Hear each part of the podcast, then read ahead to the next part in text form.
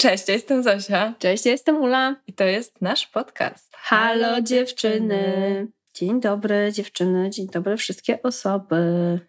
Cześć, dzisiaj przychodzimy z odcinkiem, który w ogóle mam wrażenie, że myśmy obiecywały już dawno temu, że nagramy jeszcze jakiś odcinek o feminizmie. Chyba jak nagrałyśmy pierwszy i jak dotąd I ostatni. ostatni.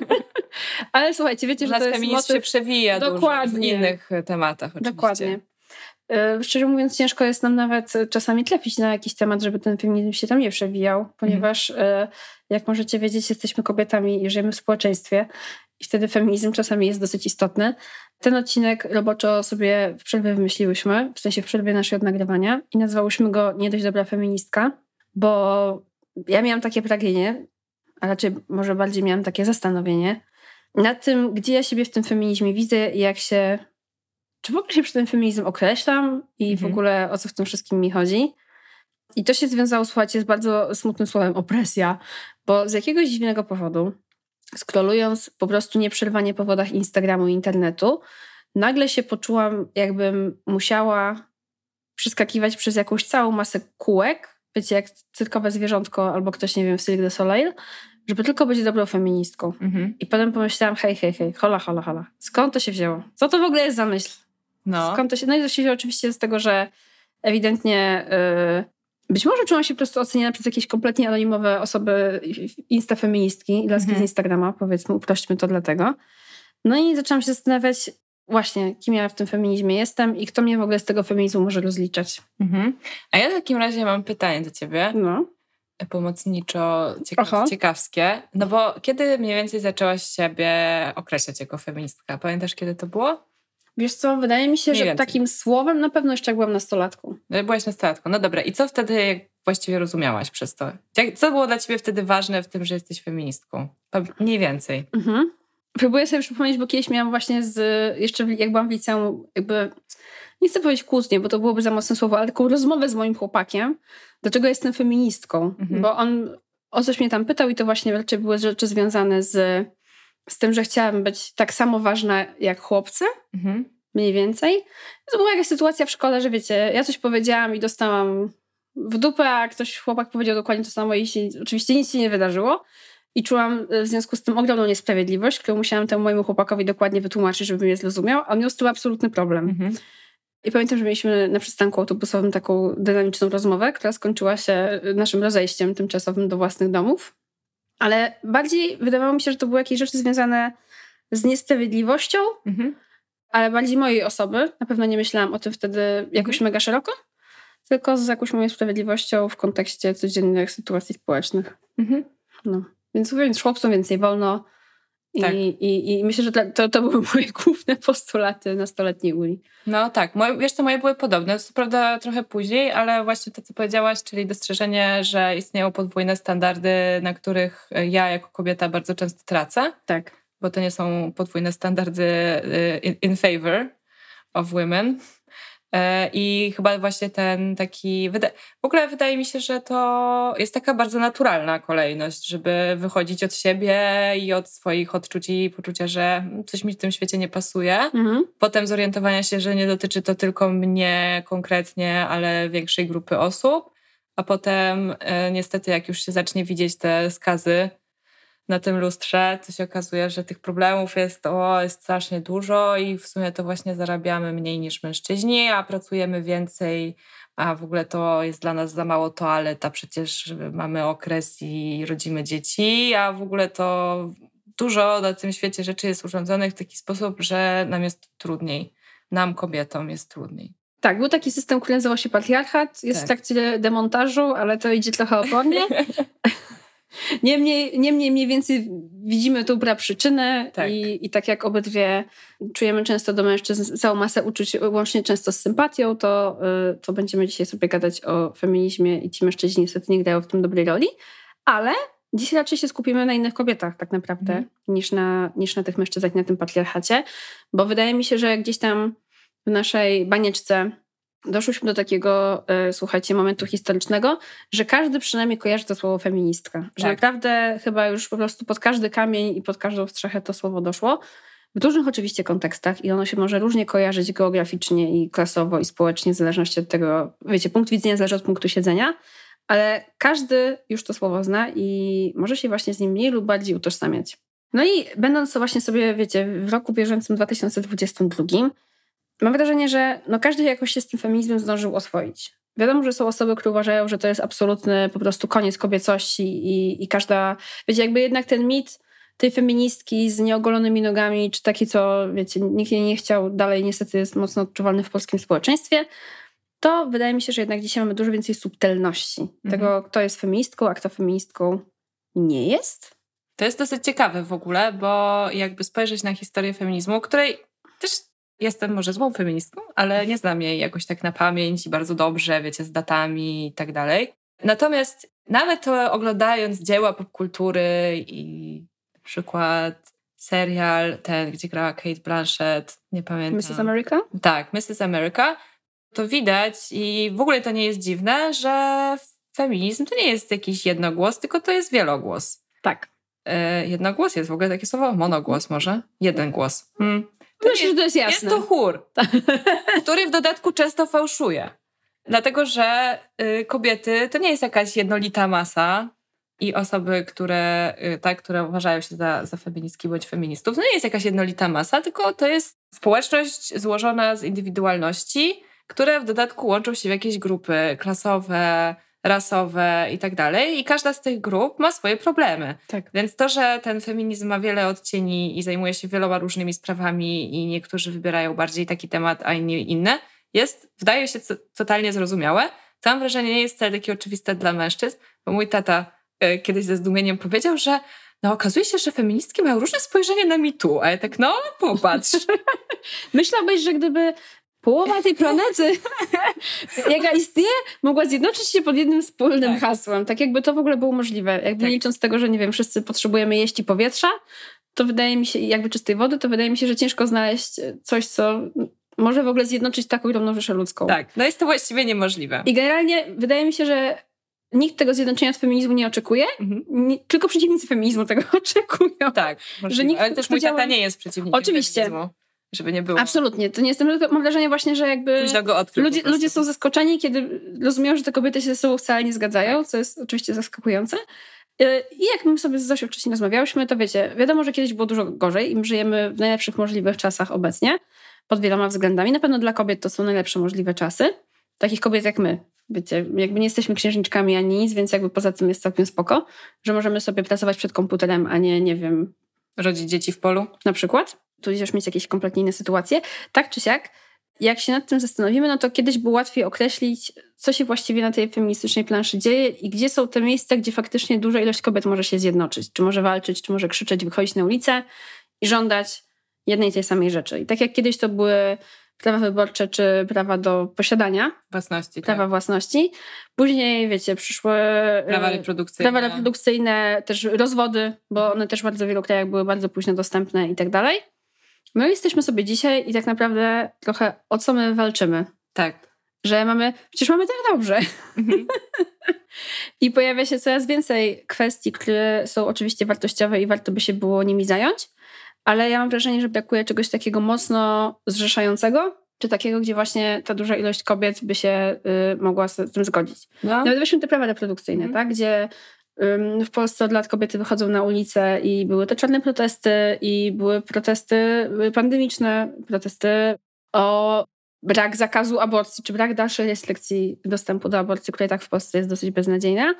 I wydawało się, że to jest taki postulat, o który, kurczę, jakim cudem jeszcze musimy walczyć. Wszystkie wiemy, jak to wygląda, że wygląda beznadziejnie. A z trzeciej strony, ja nigdy nie widziałam za, moich, za mojego życia pospolitego ruszania, i no nic, nie? Nic się z tym nie dzieje. Mhm. Jakby ten temat jest ważny, on porusza serca i duszę ewidentnie dużej ilości kobiet i mężczyzn. I ciężko mi wymyślić o czymś, po, po czym się można jakby może bardziej zgodzić, a i tak kła, kła, kła. Nic, nic się z tym niestety nie dzieje, mhm. ponieważ sytuacja jest taka, jaka jest. No ciężko dalej się zjedno- tak, ciężko szukać takich mocnych rzeczy, żeby faktycznie czuć, że to idzie do przodu, a z drugiej strony jednak widzimy, że żyje nam się coraz lepiej i że jednak yy, gdzieś ten feminizm ma wrażenie, że przez to, że wchodzi do mainstreamu, to cieszy się coraz większym takim powszechnym zrozumieniem, ale nie takim powierzchownym zrozumieniem. Mhm. Powszechnym, ale też jednocześnie powierzchownym. Mi się wydaje właśnie, że to, że feminizm wszedł do takiego mainstreamu, z jednej strony bardzo cieszy i dla mnie fajnie. Większość ludzi wie, przynajmniej w tym świecie, w którym ja się obracam, z terminem się spotkało, mniej więcej wie o co, o co w tym chodzi i może już właśnie nie myśli takimi e, kliszami, tym czym, kim jest feministka. Natomiast to, co wydarzyło się, to to, że wiecie, jakby kiedy jakiś temat staje się popularny i mainstreamowy, no to on się spłyca. I gdzieś takie hasła, które są łatwe, dość przyjemne tak naprawdę, że przejmują scenę, zabierają przestrzeń tym tematom, które są trudne, ciężko o nich rozmawiać jeszcze trudniej je rozwiązać. Mhm. Takie tematy, które właśnie wymagają jakichś rozwiązań systemowych, które wymagają chodzenia na te protesty, potem walki jakiejś ustawodawczej. Taka praca, która jest tak naprawdę często na, na pokolenia. Ja chyba kiedyś w którymś odcinku powiedziałam, że jest mi żal tych feministek, które były jako pierwsze, że one nie dożyły tych różnych zmian, nie? że dopiero ich, nie wiem, prawnuczki na przykład, tak, dostały prawa wyborcze. No to jest po prostu, no aż serce pęka, ale tak wyglądają zmiany społeczne, one po prostu tak. trwają, trwają długo. Ale mhm. tematy, które są bardziej nośne, to są te, które powiedzmy dobrze się drukują na t-shirtach. Typu sięgaj po swoje marzenia, możesz wszystko. To, że jesteś kobietą, w niczym cię nie ogranicza. To są bardzo wszystko fajne hasła. Ja się pod nimi mogę podpisać. Mhm. Z tym, że one nie są do końca prawdziwe, ale bardzo bym chciała, bardzo chcę w to wierzyć i bardzo chciałabym, żeby przyszłość tak wyglądała, że fakt, że jestem kobietą, w niczym mnie nie ogranicza. Bardzo bym chciała, żeby future is female. Nie wiem, czy akurat musiałaby być female the future, czy ja bardzo chcę właśnie, żeby przyszłość była kobietą, kobiecą. Chyba chcę, żeby przyszłość była ludzka, mhm. żeby była dobra dla ludzi i w ogóle po prostu. Ale tak, w każdym razie powiedzmy, że te takie nośne, łatwe i przyjemne hasła, one są, one są miłe, ale gdzieś rozmydlają problemy, które może nie są takie fajne do omówienia w telewizji śniadaniowej. Tak, ślizgamy się wtedy po powierzchni i o tyle, o ile wiecie, my bardzo lubimy Beyoncé i praktycznie nie ma odcinka jakoś, kiedy o niej nie wspominamy nawet luzem. I wiemy, że zrobiła dużo dobrego właśnie wprowadzając feminizm do popkultury na taką skalę, jak zrobiła.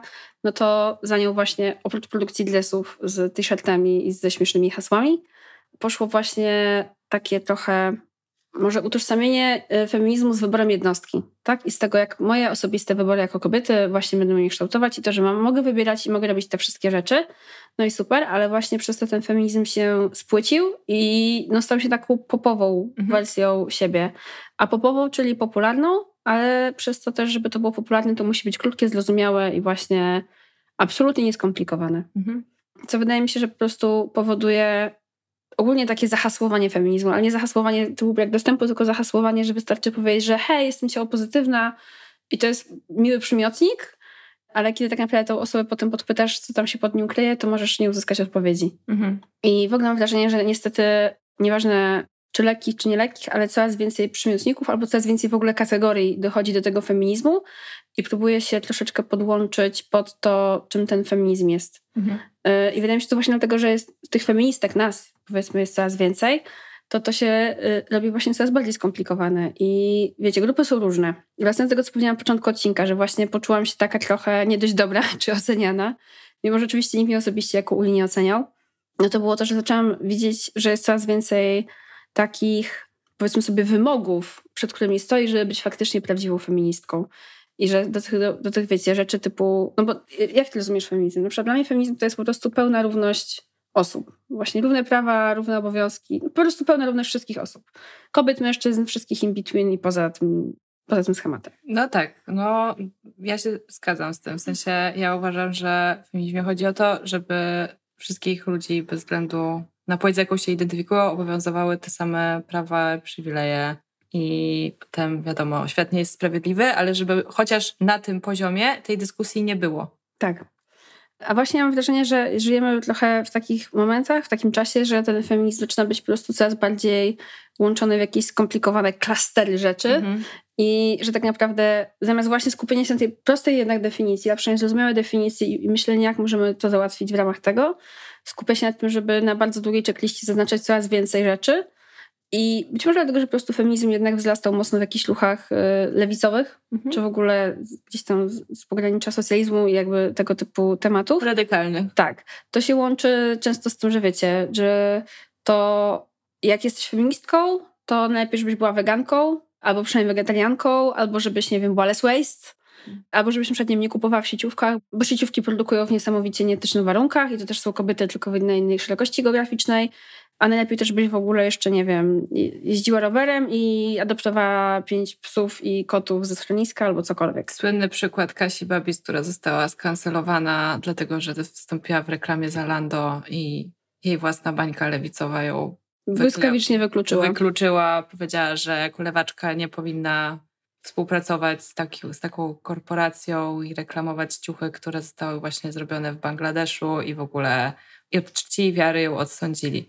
Strasznie to było przykre. Muszę powiedzieć, że jakoś bardzo mnie mhm. bardzo mnie dotknęła ta sytuacja, chociaż Kasia Babis nie jest dla mnie żadną osobą. Poza tym, że byłam fanką podcastu jej i Marty Nowak, to jakby nie było to dla mnie, jest dla mnie jakaś ważna osoba, ale z drugiej strony ceniłam jej twórczość w internecie.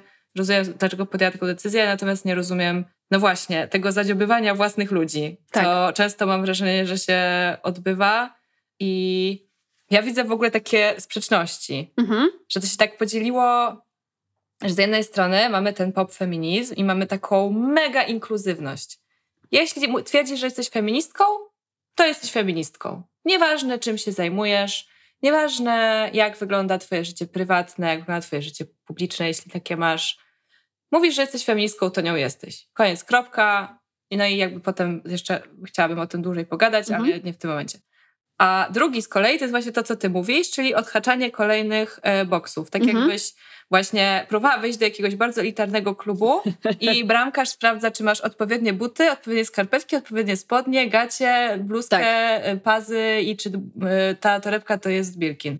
No i tak, no i w ogóle jak masz przy sobie telefon komórkowy, to na pewno cię nie wpuszczą.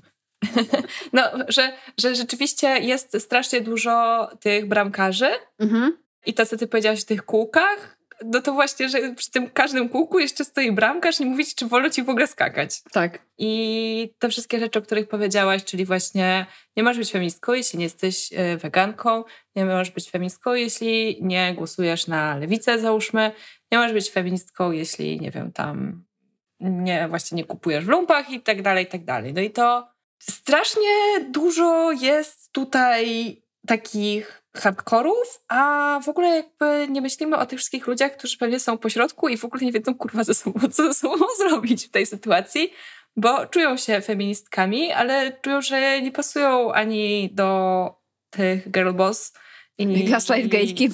I, I tak, i ani, ani do tych weganek na rowerach. Z całym szacunkiem dla weganek na rowerach. Kocham weganizm, kocham rowery. Nie o to mi chodzi. No właśnie chodzi nawet, nawet Taka jednolita dyskusja mhm. się po prostu zaczyna tworzyć pomiędzy tymi grupami. Nawet spełniając dużo tych jakby absolutnie idiotycznych boksów, możesz dalej się czuć z tym źle. Mhm. W sensie to dalej może nie dawać ci żadnej odpowiedzi. Moim zdaniem właśnie jakby zamykanie tego feminizmu, czy taka naprawdę dokładna próba skategoryzowania tej grupy. Ja też rozumiem, że to jest tak duża grupa, że naturalne są oczywiście podziały i to jest niemożliwe, żeby tyle milionów osób mówiło tym samym głosem, ale no to właśnie powoduje, że dla mnie odsuwamy się od realizacji tej pełnej równości, że mhm. próbujemy znaleźć, kto powinien być równiejszy od kogoś innego, albo kto jest po prostu lepsiejszy w tej naszej grupie i tak dalej, i tak dalej. Co nie oznacza, że ja nie jestem za krytyką feministek, bo jestem jak najbardziej za krytyką basically wszystkiego. Ale oczywiście, że ja się mogę nie zgadzać z innymi kobietami, mogę nie zgadzać się z innymi feministkami i to jest moim zdaniem trochę też problem tego słowa siostrzeństwo, że ono zostało tak na maksa wyeksploatowane w tym polskim podwórku feministycznym, że aż przestało w ogóle cokolwiek znaczyć. znaczyć. Mhm. Tak, że właśnie to siostrzeństwo, siostrzeństwo i potem wychodzi, że nie możesz komuś, y, kogoś naprawdę jakby no, rzeczowo skrytykować, czy rzeczowo przedstawić jakieś swoje kontropinii, bo już nie jesteś tak naprawdę, y, już nie pokazujesz tego siostrzeństwa i tak dalej. I oczywiście też się łączy z tym, że każda krytyka jest odbierana za hejt, o czym też nagrałyśmy kiedyś odcinek. I że ludzie w ogóle nie mają w sensie, że dużo osób po prostu może mieć problem z przyjmowaniem jakichś negatywnych opinii na swój temat, a wydaje mi się, że jakby bez tego trochę też nie pójdziemy dalej. Zwłaszcza w takiej rzeczywistości, gdzie no, te feministyczne idee czy postulaty po prostu są tak spłycone, że służą tylko i wyłącznie jakiejś takiej, wiecie, tożsamości tak naprawdę. Są tylko tożsamościowe i nie przekładają się na żadne realne aktywności. Mhm. No, jakby skupiając się na chwilę na tej, tym worku siostrzeństwa i tej totalnej inkluzywności, no, bardzo często, ja teraz ogólnie bardzo mało obserwuję influencerek, jakichkolwiek, nie mówię tylko o feministkach, jakichkolwiek na Instagramie. Właściwie żadnej już nie, nie, nie obserwuję, chyba że jest bardzo śmieszna. nie mam jakby potrzeby na Instagramie akurat y, konsumować tego typu treści. Natomiast kiedyś konsumowałam i pamiętam, że w pewnym momencie z wielką uwagą i w emocjach śledziłam różne dramy i inby mm. internetowe, zwłaszcza te, które się odbywały y, na tych banieczkowych, lewackich, powiedzmy, kontach. No i to, co, to właśnie na co kiedyś y, trafiłam, to było y, dokładnie to, taki komentarz na temat siostrzeństwa, że przecież siostry się kłócą między sobą i to, że się nie zgadzamy, nie znaczy, że nie walczymy o tą samą sprawę. Mhm. Więc nie chodzi o to, żebyśmy się nawzajem zadziobywały, tylko po prostu no, mamy prawo się nie zgadzać. A kontrargument na to był taki, że jak śmiesz oceniać inne kobiety i w ogóle kim ty jesteś, dlaczego uważasz, że twoje wybory są lepsze niż wybory innych. No i generalnie widać jakby totalny brak, totalny brak porozumienia i chyba nawet totalny brak chęci, chęci porozumienia. porozumienia. Bo te ciosy, które padły na samym początku, sprawiają, że już żaden rozjemca tutaj nie pomoże że to jest po prostu już przesądzone, jesteśmy w innych okopach i w ogóle ty jesteś prawdziwą feministką, a ty nie. I... Jesteś wydmuszką feministki. Tak. I ja mam problem z tą totalną inkluzywnością. No bo z jednej strony tak, uważam, że każda osoba bez względu na, na płeć i czy się utożsamia z feminizmem, czy nie ma totalnie prawo do życia tak jak chce. Dopóki nie próbuje nie krzywdzi innych. mnie tego narzucać i krzywdzić innych, mhm. no to absolutnie pewne style życia nie są moim wyborem, ale to nie znaczy, że ja mogę na przykład kogoś obrażać z tego powodu, że załóżmy ma szóstkę dzieci, tak? No to nie jest moja sprawa. Z drugiej strony, ja mogę mieć opinię na temat tego, jak takie życie wygląda i może mi się ono nie podobać. Pytanie tylko moim zdaniem jest, jak tą swoją opinię wyrażasz i czy wyrażasz ją w ogóle? Czy ty ją w ogóle musisz wyrażać? Czy to jest w ogóle konieczne? Mhm. I mam wrażenie, że w całej tej inkluzywności i akceptowaniu absolutnie każdego wyboru każdej kobiety, że to jest w ogóle niemożliwe do zrobienia. Mhm. I że to jest jakiś fałsz i właśnie zasłanianie się taką różową zasłoną dymną, żeby tylko my po prostu absolutnie tutaj się między sobą nie kłócimy. Bo jak się zaczniemy kłócić, to nam powiedzą, że znowu się baby kłócą i nic z tego nie będzie. Więc lepiej się nie kłóćmy. Lepiej się nie kłóćmy, tak, lepiej po prostu wszystko wszystko, co ty robisz, ponieważ jesteś kobietą, to ja to akceptuję. No, nie jest to prawda. W sensie, nie wiem, jest taka Kaja Godek, na przykład, ona jest kobietą, w dodatku jest kobietą, która ma bardzo dużo władzy. Zwróćcie uwagę, że to jest osoba, która mimo że nienawidzi feministek i ogólnie uważa, że e, nadrzędną rolą kobiety jest rodzenie dzieci, że każde z tych dzieci trzeba to każdą ciążę donosić do końca i tak dalej, tak no to zwróćcie uwagę, że to jest osoba, która bardzo dużo się pojawia w mediach, ma bardzo dużo władzy tak naprawdę, mhm. ma dostęp do niesamowitych środków, bo do tej jej okropnej fundacji płynie po prostu jakiś gruby hajs. I tak naprawdę jest strasznie niezależną kobietą, która realizuje swoje pasje, ma jakąś swoją misję i wcale nie siedzi w domu i nie zajmuje się dziećmi tylko i wyłącznie, tak jak ona uważa, że jak postuluje, że kobieta, że to jest jakby jej nadrzędny cel. Więc nie mówmy, że zgadzamy się absolutnie z każdą kobietą, z każdym jej wyborem, no bo ja mam prawo ocenić Kaję Godek i oceniamy ją źle. Mimo, że jestem feministką, ja jestem kobietą, ona jest kobietą. Sorry, Kaja Godek nie jest moją przyjaciółką, tylko dlatego, że jest kobietą. Tak, tak samo jak nie jest, nie wiem, nie czuje żadnej więzi z jakąś bizneswoman, tylko dlatego, że ona jest kobietą i założyła swój biznes. Tak. Absolutnie nie mam z nią żadnego związku, jej życie jest absolutnie odległe od mojego, jej problemy nie są związane z moimi i pewnie każda z nas inaczej by mówiła o tym, czym jest feminizm. Wydaje mi się, że ten, to kryterium wyboru, czyli że ponieważ e, że jakby miarą feminizmu jest to, że masz wybór i możesz wybrać wszystko, to jest troszeczkę za mało. Ono jest, to jest bardzo ważne, bo mhm. kobiety kiedyś tego wyboru nie miały. Natomiast za mało pytamy tych kobiet o genezę ich wyboru, o przyczyny, Dlaczego wybierasz tak, a nie inaczej? Nie, żeby to ocenić, tylko żeby się dowiedzieć. Mhm. I wtedy ewentualnie móc to ocenić. Bo czuję, że się rozgadałam, ale są pewne rzeczy, które są określane jako feministyczne, tylko dlatego, że robi je kobieta, i na przykład mocno w to ostatnio wjechały tematy beauty, czyli dbania o siebie i jakby realizowania swojej niezależności i kobiecej siły poprzez piękny wygląd. No, no. No i ja bym się nie upierała, że dbanie o siebie jest jakieś feministyczne. I pytanie, czy ono w ogóle musi być. Mi się wydaje, że efekt tego, że dużo takich rzeczy, które do tej pory nie były feministyczne, teraz są, jest tylko i wyłącznie związane, albo jest głównie, w głównej mierze związane z tym popfeminizmem. Że jeżeli ja jestem feministką, ja dbam o siebie, to moje dbanie o siebie jest feministyczne. Tak. I mój dres też jest feministyczny i mój kwiatek też będzie feministyczny. Ha, ha, ha. I wiadomo, że my jako kobiety też mamy to brzemię, że byliśmy przez wieki oceniane przez, głównie przez ludzi naszego wieku. Ważne, żeby był młody i urody, ważne, żeby była piękna i mhm. olśniewająca. I to jest na pewno coś, z czym jest trudno się, od czego trudno się wyrwać i w ogóle od czego trudno jest uciec.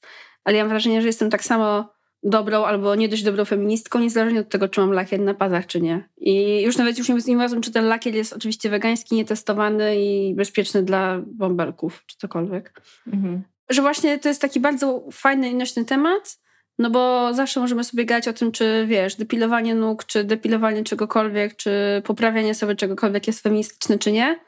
A tak naprawdę to są problemy i to są tematy do dyskusji tak niesamowicie wąskiej uprzywilejowanej grupy osób, że ja pierdolę.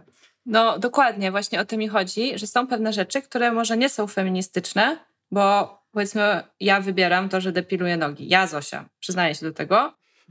Wiem? O nie. I pachy też, słuchajcie. I inne miejsca też. Mhm. Generalnie ja zdaję sobie sprawę z tego, że jestem gdzieś tam, uginam się pod tymi standardami piękna, jakie są teraz, e, depilując te nogi. Mhm. Wiem o tym. Natomiast to jest zbyt silne, ja nie jestem w stanie przestać tego robić. No nie przełamię się, żeby teraz zapuszczać włos na nogach. I trudno. Czy to jest feministyczne? Nie. Czy musi być? Nie, nie musi być. Właśnie o to mi chodzi. Lakier do paznokci nie musi znaczyć nic więcej niż lakier do paznokci. Tak. I depilowanie nóg nie musi znaczyć nic więcej niż depilowanie nóg. Po prostu właśnie chodzi mi o to, że, że fajnie byłoby zostawić ten temat i się nim w ogóle nie zajmować, a nie dokładać mu łatkę tego, że to jest jakieś potwornie niefeministyczne, więc nie jesteś feministką, jeśli to robisz, albo to jest feministyczne, ponieważ ty uważasz się za feministkę i to robisz. że obydwa te rozwiązania są dla mnie z dupy. Chciałabym po prostu, żebyśmy już na ten temat nie rozmawiały, bo właśnie on nie jest ważny. Tak. Bo rozmowa na ten temat rozmywa nam te problemy, które nadal istnieją, problemy realnych kobiet, które utrudniają im życie, a które nie są rozwiązywane. Po prostu, których się nie rozmawia w mediach. W mediach się rozmawia bardziej na takie tematy właśnie typu feminatywy. Ja nie mówię, że to nie jest ważny temat, ale na przykład feminatywy, czy właśnie, nie wiem, operacje plastyczne i tak dalej, czy ciało pozytywność. Spoko, tylko że tak jak powiedziałaś, no to dotyczy jakiejś bardzo wąskiej, uprzywilejowanej grupy tak. osób. My sobie możemy pogadać o tym, czy feminitywy są ważne, czy nie, i czy je wprowadzać, czy nie. Jakby to można tu rozmowę zakończyć jednym zdaniem. Tak, są ważne, trzeba je wprowadzać od dzisiaj, bo to jest dostępne, nic nie kosztuje i tak było jest. w języku polskim i język kształtuje rzeczywistość. Dziękuję, pozdrawiam. Thank you for coming to my TED Talk. Ale, ale kurde, językoznawcy muszą dyskutować o tym yy, super, niech godzinami. Niektórzy, niech niektórzy językoznawcy dyskutują i super, niech mają jakieś tam potem z tego e, fajne posty na Instagramie, żebyśmy mogli je sobie repostować, ale, ale zajmijmy się. Ale wiemy, że na przykład, nie wiem, innym. problemy to są te prawa reprodukcyjne i ich ograniczanie, które na szczęście zaczęło się pojawiać w mediach i zaczęło być o tym głośno i super, bo to dotyczy autentycznie każdej kobiety, jaka żyje w Polsce Coraz więcej mówi się o wykluczeniu komunikacyjnym, które też istnieje w Polsce i też się ma coraz lepiej, bo są likwidowane połączenia kolejowe i autobusowe. Super. I to są mega ważne sprawy po prostu, o których sobie tak możemy pogadać. My oczywiście w tym momencie nie mamy żadnych na to rozwiązań, bo po prostu to jest rozmowa między dwoma przyjaciółkami cały czas. Nawet jakbyśmy się na to nie wkurzały, ale że faktycznie, wiecie, ile, na ile się zmieni w tej, w tej, na tym naszym polskim poletku, jeżeli będziemy adresować takie rzeczy, które są jednak no, mega miejskie, mega skoncentrowane na wąskiej grupie kobiet, a nie na tym, że ktoś nie może, nie wiem, dojechać do lekarza, albo ktoś wie, że pójdzie do pracy, albo że na przykład nie ma sensu iść do pracy, bo pensja dla kobiety za jakąś niewykwalifikowaną pracę jest tak niska, że lepiej jest e, siedzieć w domu i wychowywać y, dzieci, tak? Mhm. I czy to jest właśnie wtedy faktycznie wybór? Nie, ta osoba ma tylko iluzję wyboru, bo słyszę właśnie o tych feministach, że możesz wybierać i że wszystko jest dla ciebie, świat stoi otworem i w ogóle, kiedy tak naprawdę zderzasz się ze ścianą bardzo szybko i wiesz, że świat nie stoi dla ciebie otworem i twój wybór nie jest tak pełen, jak mógłby być. Tak jest, nie masz wcale tylu opcji, jak mówi ci Miley Cyrus. tak. tak. Która powiedziała, że uważa się za największą feministkę, jaka jest. To jest niesamowite. Na świecie. Dzięki Miley. Dzięki Miley. Z, y, ja bardzo lubię Miley Cyrus, ale jednak, jednak tańczyła z Robertem Thickiem. I nie została skancelowana. No nie, nie została. On, on tak naprawdę jest bardziej skancelowany niż ona. To znaczy, to ja znaczy, nie wiem, czy ją próbowali skancelować. Na pewno był szeroko omawiany ten występ tak. i to, że tam była Naked on a Wrecking Ball i w ogóle. To, to tak, ale... Znaczy, ją na pewno spotkało bardzo dużo krytyki za to, że Penalty zaczęła po prostu ciągle występować nago, półnago niemalże. Tak, ale to była jakby też era jakaś w jej twórczości, co nie? Taka, to, to było... też można przegonać przez pryzmat emancypacji od obrazku Hanny idealnej dziewczynki Disneya, prawda? jakby wszystko... Tak, tak, tak. To Again, była... rekonst... re rekonstrukcja? Konstrukcja? Nie, rekontekstualizacja sytuacji. Okej, okay, wow. No. Nie spodziewałam się tak trudnego słowa. Dużo R. No dobra, no ale to jest ta inkluzywność, powiedzmy, która nam spłyca rzeczy i zabiera ważne tematy. A z drugiej strony mamy ekskluzywność, czyli właśnie Weganka? Nie? No to dziękuję. Pani nie wpuszczamy do klubu To pani proszę w prawo. To pani proszę tam do klubu, nie wiem, Lipków czy coś, nie wiem. jak teraz. Kim jesteś, jak nie jesteś weganką? No i ogólnie słuchajcie, mam wrażenie, że w lewicowym internecie jest strasznie dużo inwektyw i właśnie dzielenia ludzi na tych tych ok i tych nie ok i strasznie ciężko jest być ok. Na krystalicznie czystych i całą tak, resztę. Tak. Słuchajcie, nie bez powodów jest e, grupa na Facebooku, czy dzisiaj była Inba na Leftbooku, ponieważ Inby na, na lewej, po lewej stronie, nie wiem, barykadę czy czegokolwiek chcecie, wybuchają z zaskakującą częstotliwością i generalnie jasne, tam są często ważne rzeczy, ale z całym szacunkiem, ja się nie dziwię, że lewica po prostu w Polsce przegrywa, bo wcale się nie musi mierzyć, w sensie oprócz tego, że się mierzy w Polsce z mega dużym ciężarem jakby komunizmu i tego, że dużo starszych roczników to dobrze pamięta, to przede wszystkim mierzy się z niesamowitym rozbiciem wewnętrznym i absolutnym brakiem właśnie wspólnego celu, który się można tak jednoczyć, realizować i, i, to się dzieje jakby na każdym szczeblu, łącznie właśnie na szczeblu po prostu ludzi, którzy, którym może i te postulaty socjalistyczne czy lewicowe byłyby bliskie,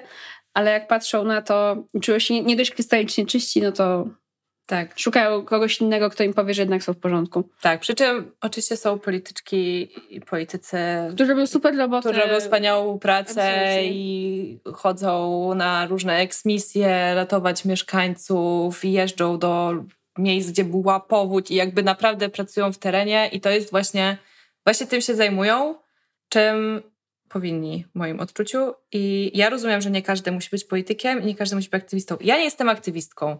Ja nagrywam z Ulą podcast. tak? I ja już nawet nie piszę właśnie, nawet już nawet nie repostuję y, postów o Iranie na, na swoim Instagramie, ani na Instagramie Halo Dziewczyny. Ktoś ostatnio próbował rozliczyć Paulinę Zagórską, czyli doktorkę Nieuczkę, -hmm. czy mhm. tamtą Zagórską z tego, a czy ona repostowała post o Iranie? Autentycznie się coś takiego ja pojawiło. Pierdolę. Ja I, i powiem wam, że właśnie to też był jeden z przyczyn, dla których ja autentycznie wyszłam z tworzenia rzeczy w internecie, w sensie na Instagramie, patrz, bo w internecie dalej tworzymy, że ja miałam dosyć tej ciągłej gonitwy i właśnie tego, czy Pierwsze, moim zdaniem przez to, że żyjemy w epoce szybkich mediów i po prostu szybkiego podawania sobie komunikacji będzie ciągle na bieżąco, mam wrażenie, że każdy po prostu podrzędny influencer czuje jakąś potrzebę, wel, przymus yy, wypowiedzenia się na każdy temat i posiadania opinii na każdy temat. Bardzo bym chciała, żebyśmy tej wszyscy potrzeby nie czuli, bo naprawdę warto jest słuchać opinii ludzi, którzy jednak mają coś do powiedzenia, mają jakieś przekminy, i na przykład sytuacja wiralna jest moim zdaniem super tego typu przykładem, o którym wiecie, trzy tygodnie w Polsce się w ogóle nie mówiło, a nagle każdy repostuje posty, albo jeszcze pół biedy jak repostuje posty kogoś, to faktycznie ten temat zna przetrawił, ale gorzej jak się jeszcze wypowiada. Po prostu mnie zalewa krew. Ja się cieszę, że świadomie się z tego wyścigu albo z tego właśnie ciągłego repostu wykluczyłyśmy. Ja nie muszę mieć zdania po prostu na każdą bieżącą sprawę, która jest tylko i wyłącznie związana właśnie z feminizmem, czy z kobietami, czy z weganizmem, czy z lewactwem. No właśnie. No właśnie. Ja nie wiedziałam o tym, że tą Paulinę wywołano na tablicy. E, czy już dzisiaj repostowałaś o Iranie? No spoko, jakby wiecie co, no jakby fuck you trochę ludzie. W sensie nie mówię do was oczywiście, tylko jak można w ogóle oczekiwać, żądać od tego, żeby ktoś miał opinię i tak. komentował absolutnie każdy temat? Bardzo często świadomie twórca czy twórczyni wybiera jednak tematy, na które się wypowiada. I wiecie, problemów kobiet jest tyle, że gdybyśmy miały faktycznie repostować i informować o każdym, to byście po prostu tego nie wytrzymały. Nikt by tego psychicznie nie zniósł, bo by się okazało, że świat to jest jakaś kloaka nieszczęść kobiet. Tak. Poszlibyśmy wszyscy oglądać ładne pieski i kotki po tym. Tak. To by się nie dało inaczej. Tego jest po prostu za dużo i są tematy, które są bardziej nośne, tak jak te Iranki, bo to jest bardzo też e, taki medialny temat i, i to zdejmowanie, palenie hijabów i obcinanie włosów i to jest jakby mocna, ważna sprawa, tak? Tak. Tylko, że ja na przykład o Iranie wiem bardzo mało, więc nie będę, kibicuję oczywiście rewolucji kobiet, natomiast ja tam więcej nie za bardzo wiem o co chodzi i jakoś jeszcze nie miałam czasu się dowiadywać, więc nie będę gadać o tym po prostu. I koniec. I każdy ma też prawo się, właśnie moim zdaniem, nie wiem, to, że ludzie często nie korzystają z tego prawa do niewypowiadania się. To prawa do zamknięcia mordy?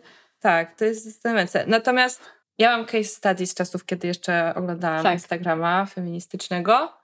Mianowicie, nie wiem, czy pamiętacie aferę, yy, może nie pamiętacie, to przytoczę po prostu, nie będę pytała.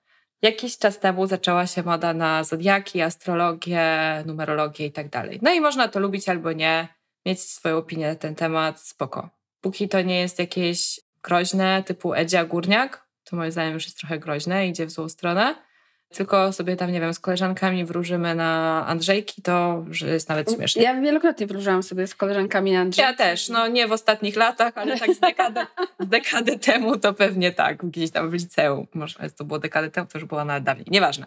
W każdym razie Natomiast jest taka osoba w internecie, która już dosyć mało się udziela, ale kiedyś udzielała się całkiem sporo i narobiła wokół siebie dużo szumu i nawet powstawały bardzo nieprzychylne artykuły na jej temat po tym poście. W ogóle to jest niesamowite, że dziennikarze piszą artykuły o tym, co ktoś napisał na Instagramie. To jest, no, to jest w ogóle świetne. To jest modern media. W każdym razie niejaka e, Ewa, znana jako Lewogram, napisała post o właśnie tej modzie i oceniła osoby, które zajmują się astrologią, kryształami, i tego typu zodiakami, tego typu sprawami jako ezokrażyny.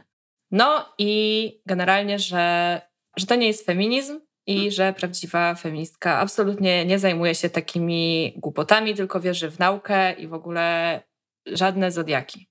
Powiedzmy, że jest to jakaś opinia, która, e, do której Ewa miała prawo i myślę, że też miałaby, znaczy miała tam całkiem sporo argumentów przemawiających mhm. Y, za swoją racją, tak? Mogłaby kogoś przekonać. Problem polega na tym, w jaki sposób wygląda ten komunikat, i moim zdaniem do tego sprowadza się problem debaty w internecie i zwłaszcza chyba właśnie na lewicy, mhm.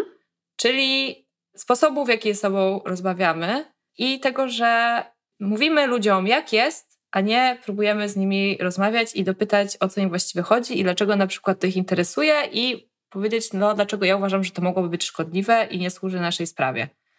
Tylko od razu, no więc jakby od razu się podzielili ludzie na dwa obozy. Ci, którzy mówią, że tak, w ogóle zodiakary po prostu natychmiast e, głupie one są i po prostu jak można wierzyć w czary, oraz na grupę, która powiedziała, no jak ty możesz siebie nazywać feministką, skoro oceniasz inne kobiety, daj nam robić te zodiaki, bo przecież nic złego się nie dzieje. I jakby, jakby już jest koniec. Czy już jest koniec historii, koniec dyskusji i już tak naprawdę nie jesteśmy właśnie w stanie zasypać tego dołu, który powstał od razu, a on powstał przez sposób komunikacji i mam wrażenie, że to jest właśnie często problem tego typu influencerów czy influencerek, że ta dyskusja od razu jest zamknięta. Nie ma miejsca na rozmowę. Nie. Tylko jest miejsce na komentarze, tak, zgadzam się z tobą, nie, nie zgadzam się z tobą. A to nie jest dyskusja. Jest tylko miejsce na dużo lajków i blokowania i usuwania komentarzy. Tak. I to też jest taki rodzaj jakiegoś gatekeepingu, czy też jakiegoś skakania przez te, przez te rzeczy. Ja akurat no nie mam nic do osób, które wierzą. A jeszcze już nie mówiąc o tym, że tak naprawdę widzisz, to są te zodiakary, czy jak je nazwa Lewoglam ezograżyny, a jestem pewna, że tam jest po prostu 25 różnych odłamów i na przykład, y, nie wiem, może wikanki się wcale nie lubią z zodiakarami, a astrolożki uważają w ogóle coś innego. I to też na pewno nie jest tak homogeniczna grupa, za jaką została po prostu wzięta, tylko wszystko, co było nienaukowe, zostało dla wrzucone do jednego wora. Sure. Ale no nie wiem, właśnie to jest taki kolejna forma po prostu bronienia tego, co jest prawdziwym feminizmem, a co nie, kiedy się właśnie nie skupiamy na tym, co faktycznie nas wszystkie jako kobiety dotyka negatywnie everyday. Mhm. Jestem pewna, że to nie jest ani koźlożyc, ani rak, ani nawet księżyc. Ja mam wrażenie, że to jest taka obrona jakiegoś bastionu feminizmu i obawa przed tym, że wszystko, co nie jest tak zgodnie z podręcznikiem, przy czym nie ma jednego podręcznika, e, ale ktoś sobie powiedzmy jakiś wybiera, że właśnie to nie jest zgodne z zasadami feminizmu, więc to szkodzi sprawie. Że to szkodzi sprawie, szkodzi wizerunkowi feminizmu, który i tak ma pod górkę. Mhm. Jak gdzieś tak teraz mi przyszło do głowy, że to może być y, jakby też o to to też To może być ten może być- gatekeeping, Mhm, żeby tak, żeby nie dopuszczać osób, które temu Pogorszą PR feminizmowi mogą zaszkodzić, przy Mhm. czym moim zdaniem robiąc właśnie jakby, wystosowując takie komunikaty, takie bardzo silnie, na, tak pejoratywnie powiedzmy, nie wiem, nacechowane, Mhm. jadowite, że to po prostu, to właśnie, no tak naprawdę powoduje, że to też nie umacnia wcale tego wizerunku. Ja nie jestem zdania, że feminizm ma być ładny i miły i pasować wszystkim i się z nikim nie kłócić. Wręcz przeciwnie, feminizm powstał z wkurwu, z niezgody. Feminizm to jest rewolucja.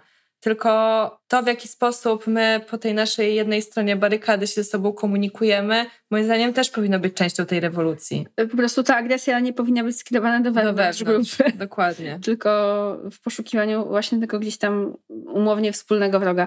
Y, Ja się z tobą zgadzam, że takie sytuacje jak te powodują, że może się bu- budzić w człowieku taki strach przed zadawaniem pytań, albo właśnie strach przed dalszym zgłębianiem tego i czy strach przed zrozumieniem tych wszystkich odciejszości. I to powoduje, że z tych wszystkich odciejszości my nie jesteśmy w stanie wyciągnąć tej całej esencji, gdzie tego odpowiednio dużego parasola, pod którym się naprawdę zmieścimy, no chyba nam się krzywda nie stanie. Wydaje mi się, że możemy się zgodzić, żeby, nie wiem, taki postulat jak pay gap, w sensie jak usunięcie pay gapu, czyli zrównanie e, Płac. zarobków, tak, e, kobiet, mężczyzn, w ogóle wszystkich osób wykonujących, że za taką samą pracę należy się taka sama płaca, niezależnie od tego, kim jesteś, to wydaje mi się, że to jest na tyle szeroki parasol, że naprawdę się tam wszyscy zmieścimy i się zmieścimy niezależnie od tego, jak mocno na lewo się wychylamy, albo coko- cokolwiek praktykujemy w zaciszu swojego własnego domu. Tak, albo na przykład ten transport publiczny, tak? To jest sprawa, która powinna wyłącznie jednoczyć, a nie dzielić. Że powinny być dostępne dla wszystkich dojazdy do miejsc. Koniec, kropka. Same plusy, zero minusów. Tak. Nie musisz korzystać z tego autobusu, jeśli nienawidzisz komunikacji miejskiej, tak? Ale czy uważasz, że w takim razie nie powinno być komunikacji miejskiej, bo ty nie lubisz jeździć autobusem? No pewnie nie. Więc jakby szkoda właśnie. Może takie dyskusje toczą się w jakichś e, kręgach w internecie, w których e, ja się nie obracam, co nie byłoby trudne, no bo tak jak już mówiłam, nie obracam się już w żadnych, gdzie faktycznie się o tym dyskutuje i próbuje jakoś, nie wiem, przekminić, do kogo należy z tym pójść i jaką strategię działania opracować, aby te rzeczy się zmieniły. No, jeśli chodzi o zrównanie płac, to na pewno jeszcze daleko do tego, ale to jest temat, który już nie schodzi z agendy. I ty, Ula, powiedziałaś, e, zanim zaczęliśmy Mhm. nagrywać, bardzo fajną w sumie rzecz, że że niechcący, chcący, niechcący, no ale to prędzej korporacje to załatwią niż jakieś lewicowe organizacje, że ta równość płac nastąpi. Natomiast pamiętajmy, że to szło od dołu, a nie od góry. Nikt tego tam najpierw w tych korporacjach nie wymyślił. W sumie byłoby okej, jakbyśmy wszystkim płacili tyle samo. Tak. Nie, no ten nacisk szedł właśnie od wkurwionych, e, zmęczonych niesprawiedliwością ludzi. I wspaniale, że wypłyną na tak szerokie wody mainstreamu i teraz po prostu trzeba się tym zająć, bo już nie odpuści tego nikt. Tak. I e, tutaj właśnie popfeminizm ukazał swoją jakby dobrotliwą twarz Tak. i też jakby upowszechnił powiedzmy ten temat, no bo on też Bo dużo wpływowych kobiet jednak e, chciałoby, czy na przykład, nie wiem, Hollywood to jest temat. dokładnie, Tak? tak? to był dokładnie mój przykład typu, nie wiem, aktorki typu Jennifer Lawrence zaczęły o tym dyskutować, czyli nagradzane, szanowane wśród tego e, świadka osoby zaczęły się pozytywnie wypowiadać, zaczęły być jakieś, nie wiem, różnego rodzaju akcje, że e, kobiety w obsadach e, zaczęły na przykład walczyć o to, żeby, na przykład chyba Jessica Chastain miała taką akcję, że walczyła o to, żeby kobiety o innym kolorze skóry miały tą samą pensję, co Mhm. ona. Super, o to chodzi. Właśnie Tak. im więcej jest takich akcji, zwłaszcza też takich właśnie, gdzie kobiety pomagają kobietom albo szukają sojuszników do tych akcji, tym lepiej. Nawet jeżeli te kobiety zarabiają takie pieniądze, których ja nigdy w życiu nie zobaczę, bo to przynajmniej pokazuje, że my wszystkie możemy to robić, nawet jeżeli e, waszą idolką nie jest Jennifer Lawrence, czy jakakolwiek inna Jennifer. Z drugiej strony jednak nie ma, nie ma feminizmu bez aktywizmu, jeżeli weźmiemy, że właśnie każdy z nas może mieć taki codzienny mały aktywizm. Właśnie Mhm. nawet zwracanie uwagi na to, jak się wysławiamy. Albo w jaki sposób po prostu chodzimy po tym świecie i jak możemy pomóc tym innym kobietom, nawet jeżeli się z nimi nie zgadzamy w 100%, tak? To jest, wydaje mi się, bardzo ważne i tak jak też o tym gadałyśmy wcześniej, że y, wiecie, my nie jesteśmy jakiś tam mega odczytany i na pewno w dyskusji o, nie wiem, historycznym znaczeniu drugiej fali feminizmu byśmy pewnie poległy, Poległy. z kimś, kto jest lepiej wyedukowany, ale ja uważam, że ja nie muszę znać tych wszystkich dziel literatury, chociaż oczywiście dużo czytam i staram się rozumieć, o co chodzi. Nie muszę ich znać i w ogóle nikt nie musi ich znać, żeby być feministką. ale z drugiej strony, jeżeli my feminizm spłucimy tylko i wyłącznie do haseł typu Future is Female, to, to czy to, to jest w ogóle feminizm? Mhm. Tak? Czy bez jakichś jednak działań na jakimkolwiek poziomie, czy w ogóle tylko mówieniu o jakichś rzeczach, ale tak naprawdę nie, nie widzeniu jakiegoś stopnia złożenia sytuacji, y, możemy się dalej nazywać feministkami. Tak jest. Y, gdybyście chciały, chcieli sobie pogłębić trochę ten temat, to. Jest dobre polecenie. Jest dobre polecenie i my je zalinkujemy, ale chciałam o nim powiedzieć, bo też e, oglądałam ten filmik e, przygotowując się do tego odcinka. Mianowicie jest taka youtuberka, która nazywa się Alice Capel, jest francuską, ale swoje filmy nagrywa po angielsku, porusza bardzo wiele e, fajnych tematów, jest z wykształcenia socjolożką, jest naprawdę, i ona jest bardzo oczytana w przeciwieństwie do nas, e, jest bardzo czytana, podaje bardzo dużo źródeł, bardzo dużo badań, e, a jednocześnie te filmy są super przystępne i przyjemnie się ogląda. I ona nagrała film, który ma długi tytuł, natomiast jest o mniej więcej właśnie o tym, czy feminizm już umiera i jaka mhm. jest przyszłość aktywizmu. Nie musicie tego zapamiętywać, zalinkujemy, tak natomiast jest. super polecamy, bo Alice tam dużo mówi o rzeczach, które dla mnie też są ważne i które też tutaj padły, czyli właśnie o tym, że dyskusję trzeba otwierać, a nie zamykać. I chyba z tego odcinka, gdzie pewnie padło więcej pytań niż odpowiedzi, bo my nie mamy odpowiedzi na to, o czym tu wszystkim mówiłyśmy, nie? Jakby tak jak Ula słusznie zwróciła uwagę, nadal ten podcast to jest rozmowa pomiędzy dwiema przyjaciółkami. Natomiast chyba głównie na tym, na tym mi zależy, żeby feminizm był otwarty, a nie zamknięty, ale to nie znaczy, że wszystko jest feministyczne, bo nie jest i też nie bójmy się o tym mówić tak po prostu. I nie bójmy się też śmiać z tego, w sensie, nie wiem, jakby, no nie wiem, no, dla mnie trochę śmieszny jest ten przykład z tym depilowaniem nóg, no ale no? Ale on kiedyś też musiał się pojawić, wiesz tak. o co tak. chodzi? On, on musiał, on musiał e, chodzić, żeby inny przykład mógł biec. Tak, tak, po oczywiście. To oczywiście. jest wszystko e, ciągły przemiał.